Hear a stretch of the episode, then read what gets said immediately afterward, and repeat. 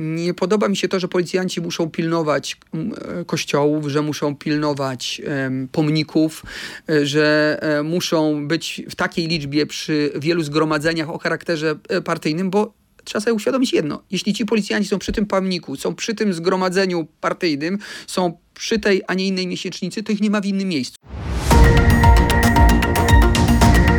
Machina władzy. Machina Władzy, podcast Radio Z, w którym analizujemy najważniejsze wydarzenia w Polsce i na świecie. Ja nazywam się Mikołaj Pietraszewski, zapraszam na drugi odcinek trzeciego sezonu, sezonu, który szykuje się jako bardzo intensywny, a moim Państwa dzisiejszym gościem jest Mariusz Sokołowski, były rzecznik Komendy Głównej Policji, ekspert do spraw bezpieczeństwa, wykładowca Uniwersytetu Warszawskiego, inspektor Policji w stanie spoczynku. Dzień dobry Panie Inspektorze. Dzień dobry Panu, dzień dobry Państwu. Rozmawiamy akurat tuż po obchodach Święta Policji, Narodowego Święta Policji, 24 lipca przypada ten dzień. Tak. Zapytam prowokacyjnie, czy Pana zdaniem jest to świętować? E, na pewno jest to świętować, bo jest to dzień, w którym trzeba podziękować tym wszystkim, którzy pracują na rzecz naszego bezpieczeństwa. Pamiętajmy, że policja jest bardzo dużą formacją.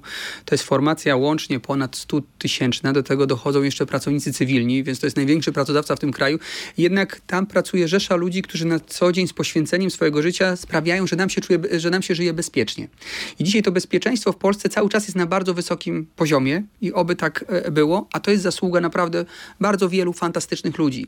Jeżeli mamy nawet do czynienia z sytuacjami, które nie powinny mieć miejsca, które nas bulwersują, to cały czas pamiętajmy, że to są sytuacje wyjątkowe i to, jest, to są sytuacje, które w tym natłoku wielu różnych interwencji zdarzają się bardzo rzadko. Mało kiedy ludzie uświadamiają sobie, że dziennie policjanci przeprowadzają kilkanaście tysięcy interwencji każdego dnia. Jeżeli do tego weźmiemy jeszcze interwencje drogowe związane z zatrzymaniem kierowcy na drodze, to to jest następne kilkanaście tysięcy. Jeżeli weźmiemy pod uwagę też fakt, że w każdej policji na świecie, jak mówią naukowcy, jest około 2% funkcjonariuszy, którzy nigdy nie powinni w tej formacji się znaleźć. Z różnych przyczyn. Z różnych przyczyn. Są to ludzie, którzy nie powinni nosić w ogóle munduru. No to e, jak weźmiemy nawet wśród 100 tysięcy ludzi 2%, no to będzie określona, e, określona e, liczba funkcjonariuszy, która no, może zadziałać nie tak, jakbyśmy sobie tego życzyli. I rolą jest... policji jest to, żeby takie, takie osoby były jak najszybciej, e, jak najszybciej eliminowane. eliminowane. No, problem polega na tym, że to rzutuje też na wizerunek bardzo, policji. Bardzo, dlatego że... Po, przyzna pan, że podupadł w ostatnich Policja jest taką instytucją, w której e, zachowanie jednego policjanta przekłada się na zachowanie innych. Mieliśmy swego czasu takie, taką opinię, walczyliśmy z nią przez lata, typu biorą łapówki, tak? No i teraz uruchomienie Biura Spraw Wewnętrznych, Biura, biura Kontroli, prowokacje policyjne, wszystko to miało sprawić, żeby tego typu sytuacje były marginesem. Nawet to, że sama policja właśnie eliminowała tego typu zachowania i jeszcze informowała o nich bardzo szybko opinię, e, opinię publiczną. Dzisiaj rzeczywiście mamy pewien kryzys, kryzys wizerunkowy i myślę, że on jest widoczny, bo z przykrością patrzyłem na zdjęcia wczoraj manifestacji jakiejś przeciwko e, policji z hasłami, które były nieprzyjazne wobec policji na święcie tejże formacji. Po raz pierwszy chyba się to zdarzyło. Niestety ostatnio także policja jest bardzo memogennym, e, e memogenną instytucją, co też wpływa niekorzystnie na wizerunek policji, e, a co za tym idzie, niestety to też wpływa na problem z problem z zachęceniem młodych ludzi do wstąpienia do tej formacji, bo dla wielu młodych ludzi przestała ona być formacją atrakcy jako atrakcyjne miejsce pracy, ale mimo że zarobki że, poszły do góry. Ale chcę pan powiedzieć, że jest formacją memogenną, memiczną i ludzie po prostu nie chcą się z tym identyfikować? Młodzi ludzie bardzo często patrzą dzisiaj na to, że gdzie będą pracować i jakie będą warunki tej pracy i oni podejmują decyzje na bazie no, swoich odczuć, jednym z takich odczuć jest to, jak na mnie będą inni ludzie patrzyli. Policja to jest taka formacja, która wymaga od swoich funkcjonariuszy i pracowników znacznie więcej, bo to nie jest tak, że kończy się pracę o godzinie 16, tylko czasami musisz zostać dłużej. Pamiętaj o tym, że ty służysz ludziom.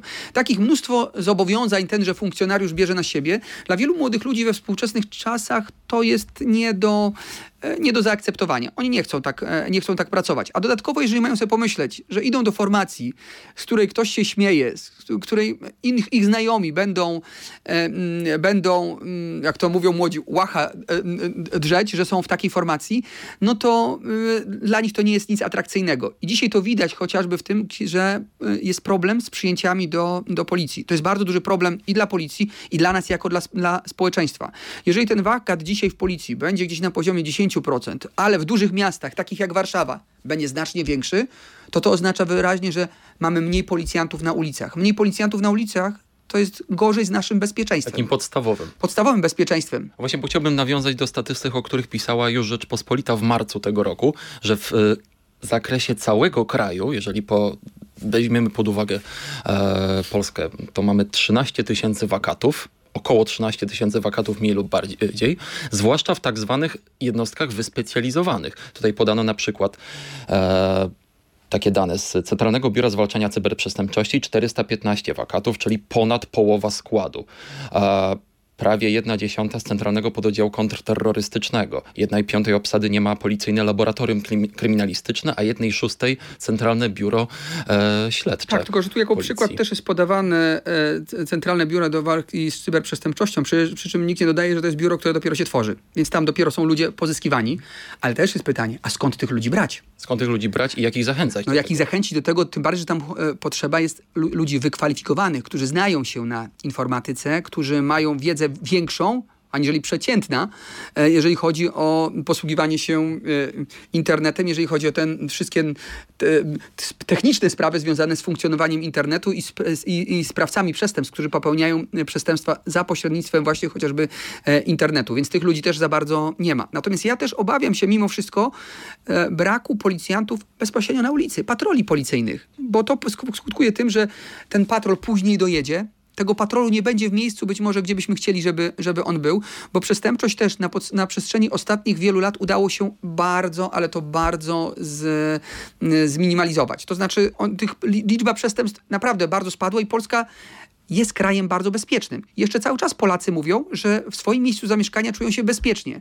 Jeszcze w roku 2015, nie wiem jak to jest teraz, ale bezpieczniej od Polaków czuli się tylko i wyłącznie Chorwaci w Europie. Więc my jesteśmy krajem, w którym wykonano olbrzymią pracę. Tylko żeby ta praca nie poszła w niwecz i tu e, nawiążę do tego, co mówię niejednokrotnie na przestrzeni ostatnich lat, że bardzo politycy psują policję.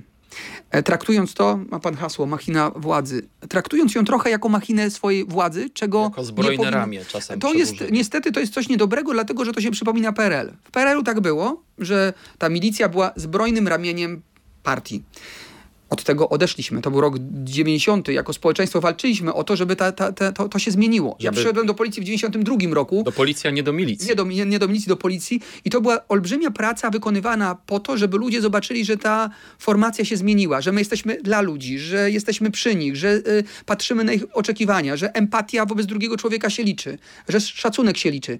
I teraz, kiedy patrzę na wiele sytuacji, o których, które przychodzi mi komentować ostatnio, no to zastanawiam się, też, gdzie to się w tych incydentalnych przypadkach podziało. Też muszę powiedzieć, że rozmawiam z policjantami, którym niejednokrotnie za część z tych sytuacji negatywnych związanych z funkcjonowaniem policji jest po prostu wstyd. I oni myślą sobie, no, nie, nie, w tej formacji pracowałem, nie takie wartości mi wpojono. I teraz, jeśli mamy do czynienia z ludźmi, którzy nie nadają się do tej formacji, którzy nie powinni pracować, którzy nie wiedzą, na czym polegają ideały pracy policyjnej i na czym polega służba społeczeństwu, to tych ludzi trzeba się pozbyć. No ale z drugiej strony mamy przecież wakaty i na siłę będziemy teraz tych ludzi starali się przyjąć. Jeśli e, szefostwo policyjne podjęłoby decyzję, że schodzimy z wymogów, jakie stawiane są kandydatom, to my mamy słabych ludzi w tej policji. Słabi ludzie to są w policji znowu nadzwy, wydarzenia nadzwyczajne. Tak się nazywa wszystkie sytuacje, które no, mogą świadczyć o Czyli tym, że... łatanie wakatów tak, ale nie kosztem jakości, nie, kosztem te, te, te, te, wakaty muszą być uzupełniane, te wakaty muszą być ten wakat musi być zmniejszany. Pieniądze na, te, na poszczególnych ludzi są, te pieniądze wcale nie są dzisiaj małe już, na, jeżeli chodzi o policjantów, których przyjmuje się do służby, ale trzeba tych ludzi maksymalnie zachęcić, żeby oni w tej, służby, w tej służbie, że chcieli pracować i zechcieli zostać na dłuższy czas, zechcieli identyfikować się z tą służbą i wiedzieli, że praca w policji to jest więcej obowiązków aniżeli przywilei. E, więc e, no, duża praca dzisiaj do, do, do wykonania, szczególnie w sytuacjach takich, z którymi mieliśmy mm, ostatnio, które były właśnie podyktowane jakimiś zachowaniami takimi politycznymi, bo proszę zobaczyć, że bardzo często, kiedy mówimy o tych najbardziej spektakularnych sytuacjach, które budzą jakieś e, wątpliwości, które budzą emocje społeczne, społeczne, w każdej z tych spraw wchodzi w grę polityka. Przez lata pracowaliśmy nad tym w policji, żeby tej polityki nie było, że jest to formacja apolityczna i trzeba było uświadamiać politykom, że ręce miejcie daleko od policji, bo to nie jest dobre dla państwa. Czy pan widzi, że to się zmieniło powiedzmy od 2015-16 roku? E, niestety ileś takich sytuacji zauważam, które są niepokojącymi sytuacjami, a na to przykład, chociażby... Na przykład to, że nie wiem, podczas różnego rodzaju demonstracji w Warszawie kilkadziesiąt e, radiowozów opancerzonych e, strzeże domu na przykład. No to jest. No to jest e, ta nieustanna, e, nieustanna e, służba patrolowa praktycznie pod mm, jednym z domów na Żoliborzu. No tam bezpieczeństwo jest na wysokim poziomie, podejrzewam.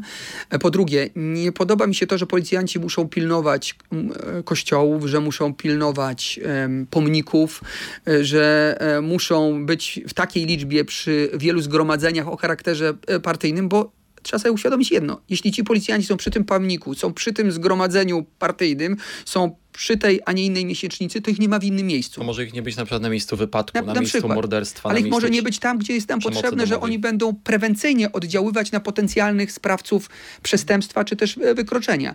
Więc ci policjanci przydaliby się gdzieś w innym miejscu. Jeśli widzę policjantów na wysięgniku, których oglądaliśmy w obrazku, to ja się zastanawiam, a kto ich tam wsadził i po co? Ma pan na myśli sytuację, kiedy y, osoby siedziały w mieszkaniu i obserwowały to, co się będzie działo na placu w no okolicach tak, no. Miesięcznicy Smoleńskiej, a policjanci na Wysięgniku kontrolowali, co nawet Rzecznik Praw Obywatelskich zwrócił na to uwagę, że to było e, naruszenie prawa do prywatności. Ja muszę powiedzieć, że nie wyobrażam sobie za bardzo y, interwencji przeprowadzonej z tego e, Wysięgnika. Skakiwać mieli do tego domu, mieli y, używać jakiegoś megafonu. Nie, nie wiem po co. Ciekawe, jak wyglądał raport też takiego. Nie wiem. Natomiast współczuję tym policjantom, których wsadzono do tego Wysięgnika i którzy musieli tam jechać i potem być nagrywanymi przez osoby będące w trafili środku. do mediów, tak. I trafili potem, do, trafili potem do, do mediów. Więc to jest jedna z tego typu sytuacji. Sytuacja ostatnia, która jest bardzo głośna w skali kraju i politycznie wykorzystywana bardzo, to jest sytuacja z panią Joanną, Joanną z, tylko... z, Krakowa. Słuchasz podcastu Radia Z. Pani Joanna zaszła w ciążę, ale z powodu komplikacji zdrowotnych, że ta ciąża mogła zagraszać jej zdrowiu, zażyła tabletkę poronną. Też później poczuła się gorzej, skonsultowała się ze swoją lekarką. Lekarka zawiadomiła numer alarmowy 112. Pani Joanna trafiła do jednego z krakowskich szpitali w asyście policji, która y, jakby została o tym zawiadomiona i też mamy, TVN opublikowała nagranie, y, nie tylko rozmowy z panią Joanną, ale też nagranie, na którym widać że fragment interwencji policyjnej. Według pani Joanny policjanci byli bardzo brutalni wobec niej, otoczyli ją kordonem, kazali jej kasłać, klękać, zabrali jej laptop, telefon. Moje pytanie brzmi, czy faktycznie istniały e, uprawnienia e, do tego, żeby ta interwencja wyglądała w taki sposób? Czy tam nie nadużyto Uprawnienia istniały, muszę powiedzieć. Jeżeli spojrzy się na całą tę sytuację z perspektywy Ale do takiej... podstaw, mhm policyjnego działania, to one były. Za chwilę będę wyjaśniał dlaczego. Natomiast czym innym są podstawy, a czym innym takie zrozumienie danej sytuacji i e, skala empatii, którą policjanci muszą wykazać w takiej sytuacji wobec osób, co do których podejmują e, interwencje. I tej empatii trochę, tutaj takiego zrozumienia, wydaje mi się, że zabrak, e, zabrakło. Natomiast tak, ja nie we wszystko wierzę dzisiaj jeszcze, mając tą ograniczoną wiedzę, bo ona dociera tylko za, za pośrednictwem mediów do mnie i do innych osób, że tak wyglądał ten przebieg całej tej sytuacji. Czekam podobnie jak część opinii publicznej, na całościowe wyjaśnienie e, tej sprawy. Pamiętajmy też, że na samym początku kiedy ta pani występowała w mediach, nie pojawiała się informacja o, o próbie samobójczej, a potem okazało się, że ona jednak jest. Komendant główny wręcz no, przytoczył e, e, rozmowy pomiędzy e, policjantem przyjmującym zgłoszenie, a lekarką, która mówiła wyraźnie o próbie samobójczej, chociaż, mimo że wcześniej nie zaprzeczano. Chociaż pani Joanna zaprzeczała. Tak jest, zaprzeczano to. Powiedzie, więc to też świadczy o... Ale ona też później zaprzeczała, no, że to była zła interpretacja no, ze strony lekarki. Więc, ale to też może świadczyć o mm, trochę osłabionej wiarygodności tej osoby. Muszę powiedzieć, że jeszcze kiedyś, kiedy byłem rzecznikiem, też spotykałem się nieraz z sytuacjami, kiedy osoby występujące wobec policji, szczególnie z wnioskiem o odszkodowanie, przyjmując taką, a nie inną taktykę e, procesową, potrafiły opowiadać niestworzone rzeczy, przy czym nie zawsze wyglądało to w ten sposób. Ja pamiętam jedną ze spraw, kiedy policjantom zarzucano, że wyciągnęli człowieka z samochodu przez okno, że wybili okno i tak dalej i to do mediów się przedostało. Tylko był jeden problem dla tego człowieka, że nagranie było, że to zatrzymanie wyglądało całkowicie inaczej adwokaci wycofali się, sprawy okazało się, że nie ma. Więc, e, no to też, akurat jest bardzo delikatna materia. To, żeby... jest, to, jest, to jest bardzo delikatna materia, natomiast w tej sytuacji, wracając do sprawy tejże pani, pamiętajmy o tym, że policjanci zostali wezwani tam na miejsce po to, żeby chronić jej życie i zdrowia, zdrowie, bo mają informacje o możliwości popełnienia samobójstwa. I oni tam jadą. Tam kieruje się najbliższy patrol, nie jakiś patrol, który zajmuje się szczególnie sprawami związanymi z aborcją, nie, najbliższy patrol, który był w tym miejscu, który najszybciej może dojechać do miejsca docelowego, tenże patrol jedzie tam na miejscu, sprawdza, czy pani coś grozi, czy nie. E, są lekarze, lekarze proszą o to, żeby pojechali z nimi do szpitala. Jadą tam ci policjanci. Sprawdzenie tej pani, czy ona ma coś przy sobie niebezpiecznego, czy nie, jest procedurą policyjną w takiej sytuacji, bo proszę sobie wyobrazić sytuację, kiedy e, policjanci nie sprawdziliby, a ta osoba zrobiłaby sobie coś złego, mając jakiś niebezpieczny przedmiot, który gdzieś by ukryła. Policjanci mają spore, spory problem. Czasami tak jest, że w, w działaniach policyjnych z jednej strony mamy do czynienia z oczekiwaniem społecznym, z krytyką społeczną, że, którą mówi o tym, że policjanci nie powinni byli podjąć działania.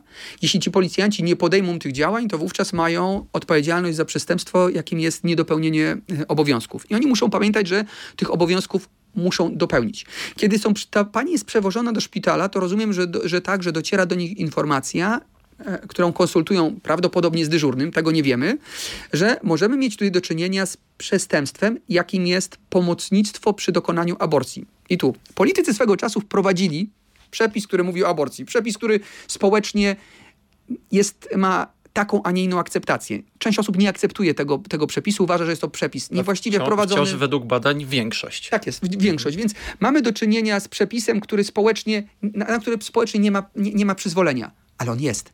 I teraz, czy policjant ma prowadzić czynności, czy nie? Policjant nie powinien dyskutować z prawem, tylko wykonywać to prawo. Więc jeżeli e, ci policjanci i dyżurny podejmują decyzję, że możemy mieć tu do czynienia z osobami, które sprzedały być może tę tabletkę, albo też e, przyczyniły się do, do, do tejże e, aborcji, pomagając w tej aborcji, no to jest to paragraf drugi artykułu 152 kodeksu karnego, i tę osobę można w takiej sytuacji ścigać, a oni mają zabezpieczać materiał dowodowy. No tak, ale widzi pan, mówimy teraz o, też o, mówimy o przepisach, mówimy o podstawie prawnej, o pewnych ramach prawnych, ale jest też coś takiego jak empatia, no, wyczucie psychologiczne, i tu, e, wrażliwość. I tu do tego można byłoby się ewentualnie... E, przyczepić, jakbyśmy chcieli, no bo możemy powiedzieć, no dobrze, czy musieli zabezpieczać ten komputer akurat w tym momencie, a nie dzień, dzień później. Ten telefon akurat w tym momencie, czy dzień, czy, czy, czy dzień mogliby później. na przykład panią Joannę ewentualnie przesłuchać po kilku dniach w sytuacji, no, no, kiedy chociażby, ona się już czuje lepiej? Chociażby poproszenie tej osoby potem do jednostki policji i przesłuchanie, bo w tej sytuacji być może nie było to, to właściwe. Tu zawsze policjanci podejmują taką, e, taką e, taką decyzję. Być może w tej sytuacji zabrakło trochę refleksji, czy te postępowanie wobec osób, które jest w takim stanie psychicznym, było właściwe, czy nie było właściwe. No z tego, co ja też e, mam informację, no też nie wyglądało to w ten sposób, że oni wchodzą w trakcie badania, uniemożliwiając to badanie, bo z tego, co ja wiem, no, to badanie się już odbyło i policjanci po tym badaniu, oczywiście w gabinecie, rozmawiają, e, rozmawiają z panią.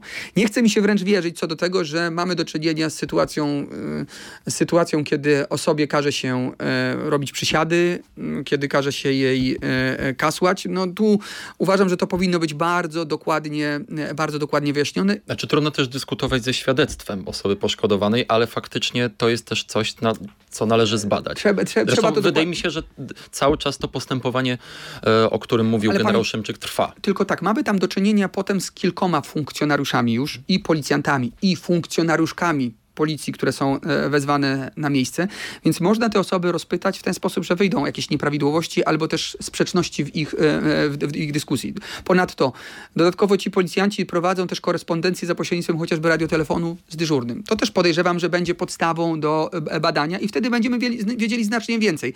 Ale jestem daleki od tego, żeby już dzisiaj mm, żeby już dzisiaj wyciągać kategoryczne, kategoryczne opinie. Jedno, co bym chciał wyraźnie zaznaczyć, to to, że Gdyby tego przepisu nie było, to co razem tu sobie powiedzieliśmy, przepisu, który społecznie nie ma poparcia, to prawdopodobnie nie byłoby także tego działania e, policyjnego w, ta, w takiej sytuacji. Nie byłoby poszukiwania tego, kto mógł dostarczyć taką, taką tabletkę. Czyli politycy, szczególnie ci rządzący, przepchnęli jakiś, jakiś przepis, który jest przedmiotem dyskusji politycznej, światopoglądowej, który wywołuje duże emocje. Te emocje są potrzebne w kampanii wyborczej, i dzisiaj mamy do czynienia z interwencją policyjną, która no, wpisuje się to wszystko fajnie, czyli będzie podstawą do tego, żeby dyskutować, bo to będzie narzędzie walki, e, e, e walki politycznej. Ale jak już sami też zwróciliśmy uwagę, to nie była jedyna taka sytuacja, w której policja działa w sposób nadgorliwy, działa w sposób e, nawet krzywdzące. Pamiętamy też sytuację na strajkach kobiet, czyli tajniacy, którzy uderzali pałkami teleskopowymi w e, demonstrantów i demonstrantki. Pamiętamy też użycie gazu łzawiącego wobec posłanek, które e, okazywały legitymację e, sejmową. Moje pytanie jest takie, w jaki sposób tak naprawdę, czy istnieje jakaś systemowa metoda, systemowe rozwiązanie, które pozwoliłoby zminimalizować najbardziej jak to tylko możliwe wpływ polityków na służby mundurowe? No, Bo to nie tylko problem policji. A, to, jest dyskusja tak naprawdę bardzo, bardzo ważna, która będzie, myślę, że jeszcze przed policją mm, y, jest jeszcze. Co zrobić, żeby ta policja nie była podatna na wpływy polityczne. No bo ja jest też, teraz w, rzeczywiście w stopniu naprawdę dość mocnym. Każdy z przełożonych policyjnych, każdy z szefów policyjnych, którzy decyduje o tym, czy policjanci podejmą taką, a nie inną interwencję, który, który wyśle, na przykład będzie myślał o wysłaniu tych antyterrorystów do zabezpieczenia, do zabezpieczenia strajku kobiet, musi sobie uświadamiać, że każda władza jest władzą kolejną i że ty musisz myśleć o tym, czy prawo jest przestrzegane, czy też nie. Prawo wyznacza twoje normy, a nie chęć podporządkowania się albo chęć przypodobania się politykom. Takie coś nie powinno może zaraz nie być. To, takie coś nie powinno mieć, e, nie, nie, nie, nie powinno mieć w ogóle miejsca. Natomiast czasami no, wydaje mi się, że te pewne decyzje w ten sposób zapadają dzisiaj. Czyli decyzje, które, e, które mm, mają być może przypodobać się komuś, że jestem zdecydowany, że ja będę w ten sposób działać, chociaż nie wiem po co. Ktoś podjął decyzję o tym, żeby antyterrorystów skierować do zabezpieczenia strajku e, kobiet. Antyterrorystów z pałkami teleskopowymi. Wcześniej tego e, nie było. Tylko pytanie, po co? Oczywiście, się w tłum, więc... Oczywiście z punktu widzenia prawnego, znowu podstaw prawnych, można było takie coś zrobić. Ale z punktu widzenia społecznego, a po co? Ja niejednokrotnie y, pamiętam takie sytuacje, kiedy y, poprzedni szefowie policyjni podejmowali decyzję, że nagrywajmy to wszystko, dokumentujmy, a potem dopiero wyciągajmy konsekwencje wobec tych osób, wobec których, które tam są. Ale nie w tym miejscu, kiedy te emocje społeczne są duże i tak naprawdę to potem obrywa się jeszcze bardziej, jeszcze bardziej policji. Tych mechanizmów dzisiaj takiego, bo to są mechanizmy związane z myśleniem, albo też zależałoby mi na tym, żeby, żeby dowódcy policyjni mieli w pełni swobodę podejmowania decyzji, a jednocześnie wiedzieli, że, ma, że nic im nie grozi wtedy, kiedy postawią opór złym decyzjom politycznym, czy też złym naciskom politycznym, chociażby ze strony e, ministerstwa, bo takie coś powinno mieć, takie coś powinno mieć miejsce. Czyli oczywiście nadzór ministra jest, ale nie co do formy, co do taktyki działania, e, co do taktyki działania policji. Dzisiaj niestety tego nie ma. Słuchasz podcastu Radia Z. To jeszcze na koniec chciałbym wątek personalny, bo wydaje mi się, że on może być też istotny i ciekawy.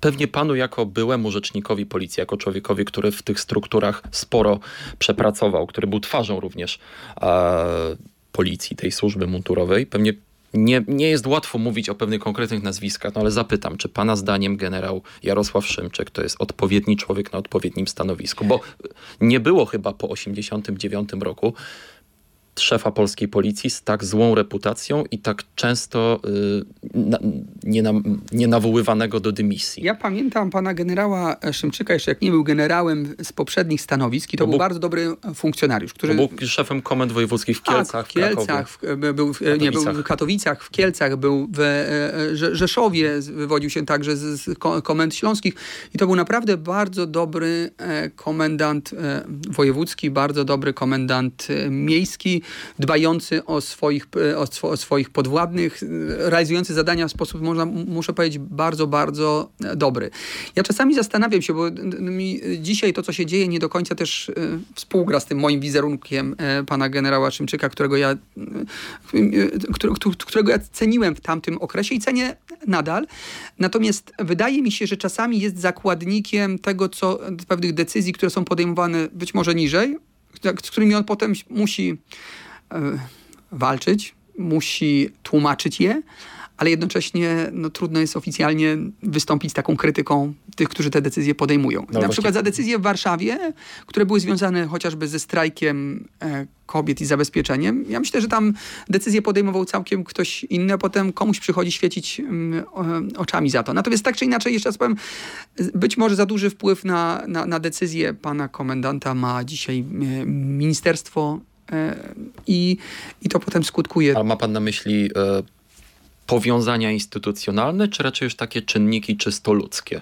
Jedno i drugie po takim długim czasie jest. Pamiętajmy o tym, że komendant główny policji dzisiaj jest najdłużej sprawującym władzę. 7 lat, więc on właściwie jest... Komendantem po, po roku 90. Tak, więc, więc jest... on właściwie jest twarzą tej policji. Ja, ja myślę, że ja, moje zdanie jest takie, na dobre czasy to byłby bardzo dobry komendant. Natomiast dzisiaj te czasy dla policji nie są dobrymi czasami pod względem chęci wykorzystania polityków tej policji do, do, do, do swoich do swoich Ale czy w takim razie pana zdaniem generał inspektor powinien się podać do dymisji? Nie, ja nie, nie, nie, nie, pokuszę się w ogóle na tego typu... No to na, nie na chodzi tylko typu, o nie, Ja się powiem panu tak, ja, ja obawiałem się, bo takie pytanie dostawałem wcześniej, ja się obawiałem wtedy, kiedy były zmiany w roku 2016-17, kiedy, nie chcę mówić tu nazwiskami, ale kiedy pojawiało się nazwisko kogoś innego, kto miał być na to, na, na, zostać komendantem głównym, to myślałem sobie, no to już będziemy mieli tak upolitycznienie i takie podporządkowanie politykom, że mm, żal mi tej policji. Więc mimo wszystko... To nie, ja był, za, ja to nie był generał Szymczyk. Nie, to nie był generał Szymczyk. Natomiast to mimo wszystko mówiłem sobie, że ten generał Szymczyk jest jeszcze, jest jeszcze tym, który zapewnia, pewien, jest pewnym buforem pomiędzy tymi policjantami, e, policjantami podejmującymi decyzje, a pomiędzy e, ministerstwem. I dzisiaj podejrzewam, że my tego nie wiemy się nie dowiemy, ale niejednokrotnie temu e, generałowi przyjdzie ponosić konsekwencje obrony tych, którzy nie powinni być bronieni, obrony tych, którzy na tych manifestacjach różnego rodzaju, przy tych zgromadzeniach różnego rodzaju podejmowali takie, a nie inne takie, a nie inne decyzje. Jeszcze raz podam przykład antyterrorystów z, z, z pałkami teleskopowymi. To nie generał Szymczyk podejmował taką decyzję, ktoś inny tych ludzi e, wprowadzał. Kto? E, też, no, to, to jest, nie, te, też powiem tak, ja uważam, że to, że to nie, nie, z pewnością nie jest nie, nie, nie, nie ta osoba, natomiast potem kto generał musi się tłumaczyć za swoich funkcjonariuszy, no bo jakby nie było, odpowiada za nich. Czyli tu już naprawdę jest w sytuacji kawkowskiej bez To wyjścia? znaczy, to jest sytuacja bardzo e, trudna. Jeszcze raz powiem, potrzebne nam są mechanizmy, które są mechanizmami nie dostosowanymi do ludzi, do ludzi poszczególnych, nie do opcji politycznych, tylko mechanizmy, które będą trwale funkcjonować w policji. Nie chodzi o człowieka nie, konkretnego. Nie o człowieka, bo bez względu na to, czy to będzie generał e, Jarosław Szymczyk, czy ktokolwiek inny, to chodzi o to, żeby ten człowiek dawał społeczeństwu, nam, e, e, gwarancję, że on nie wykorzysta tego stanowiska, swoich decyzji, swoich tłumaczeń dla, na rzecz jakichś polityków. Że politycy nie będą mogli na niego, na niego mm, wpływać w jakikolwiek sposób. Pojawiały się różne pomysły dotyczące e, tak, tego chociażby, że kadencyjności komendanta głównego, tak aby ta, te kadencje zachodziły pomiędzy poszczególne, e, nie, nie nakładały się, nie były równe z kadencjami e, sejmowymi. Proszę zobaczyć, że przy każdej zmianie władzy Zmienia się także komendant główny y, policji. Dodatkowo w policji jeszcze poszło to tak daleko po roku 2015, że zmieniono wszystkich komendantów wojewódzkich, wszystkich zastępców komendantów wojewódzkich, zmienili się dyrektorzy biur w komendzie głównej w większości. Wpływ na to, kto zostawał komendantem powiatowym, nawet czasami naczelnikiem w komendzie powiatowym, miało pewne biuro w ministerstwie, bo ono musiało zapiniować, czy to jest właściwy człowiek, czy nie. To ja mówię, przepraszam, czegoś takiego nie powinno być. O tym, kto jest komendantem wojewódzkim, kto jest zastępcą komendanta wojewódzkiego, kto jest komendantem powiatowym, kto sprawuje funkcje kierownicze w policji, decyduje komendant główny policji, bo jemu się powierza pewną, pewną misję. A potem, e, jeśli tego nie ma, to potem zaczyna się właśnie chęć podporządkowania być może lokalnym politykom, przypodobania się. Mieliśmy sprawę konfetti, tak, roz, rozsypywanego policjantów na koniach z, ze, ze skrzydłami. Po co? Brzmi to wszystko komicznie. Policja? Tak samo jak historia, też, tak samo jak historia słynna z granatnikiem no, w gabinecie. Tylko, tylko żebyśmy nie zapomnieli jednego, że oprócz tego, oprócz tego konfetti, oprócz tych policjantów na wysięgniku i tych wszystkich historii, których mówiliśmy, my mamy codziennie tysiące interwencji, które policjanci muszą wykonać. Policjanci z sercem, policjanci, którzy identyfikują się z ludźmi, którzy są wspaniałymi ludźmi, o których pamiętajmy. Ba, My często mamy przy tych zabezpieczeniu tych manifestacji ludzi, którzy, policjantów, którzy stoją przy zabezpieczeniu, którzy stoją w tym kordonie, ale są ludźmi, którzy nawet identyfikują się z poglądami wyrażonymi przez e, manifestujących. Przy czym ich rolą jest niedopuszczenie do tego, żeby doszło do konfrontacji na przykład jednej i drugiej strony. Ich rolą jest zabezpieczenie tego, tego, co się tam dzieje. Albo też są to ludzie, którzy w ogóle nie mają poglądów w danej sprawie, ale muszą zgodnie z prawem wykonywać swoją funkcję. I e, ci ludzie są profesjonalistami. I nie zapominajmy, że tych profesjonalistów jest cały czas w formacji bardzo, bardzo dużo i za co szczególne podziękowania, no, chociażby w kontekście tej, tego święta policji, ale nie tylko, za tą codzienną, tu, trudną służbę. Ostatnie zdanie. Zwykły człowiek, zwykły człowiek nie ma e, możliwości odegrania się na polityku, który, e, który go denerwuje, który wprowadza takie, nie inne prawo. Dla nim taką, takim emanacją władzy, emanacją polityków jest policjant. I stąd bardzo często te dyskusje niezadowolenia z funkcjonariuszami, stąd między innymi, między innymi wylewanie swoich żali na policjantów, którzy są Bogu ducha winni. I tym akcentem zakończymy dzisiaj nasz odcinek. To był drugi odcinek trzeciego sezonu Machiny Władzy, podcastu Radia Z, w którym staramy się analizować najważniejsze wydarzenia w Polsce i na świecie. Moim i Państwa dzisiejszym gościem był Mariusz Sokołowski, były rzecznik Komendy Głównej Policji, ekspert do spraw bezpieczeństwa, wykładowca Uniwersytetu Warszawskiego, inspektor policji w stanie spoczynku. Bardzo dziękuję za tę rozmowę, dziękuję panie bardzo. inspektorze. Ja tymczasem zapraszam do tego, żebyście słuchali naszego podcastu na playerze Radia Z w serwisach streamingowych takich jak Spotify, Apple Podcast, Google Podcast, a także na YouTubie. Słuchajcie, oglądajcie oglądajcie, a przede wszystkim subskrybujcie profil Radia Z. W następnym tygodniu spotkam się z Wami ponownie ja, Mikołaj Pietraszewski. Dziękuję, do zobaczenia, do usłyszenia. Machina władzy. Więcej podcastów na player radioz.pl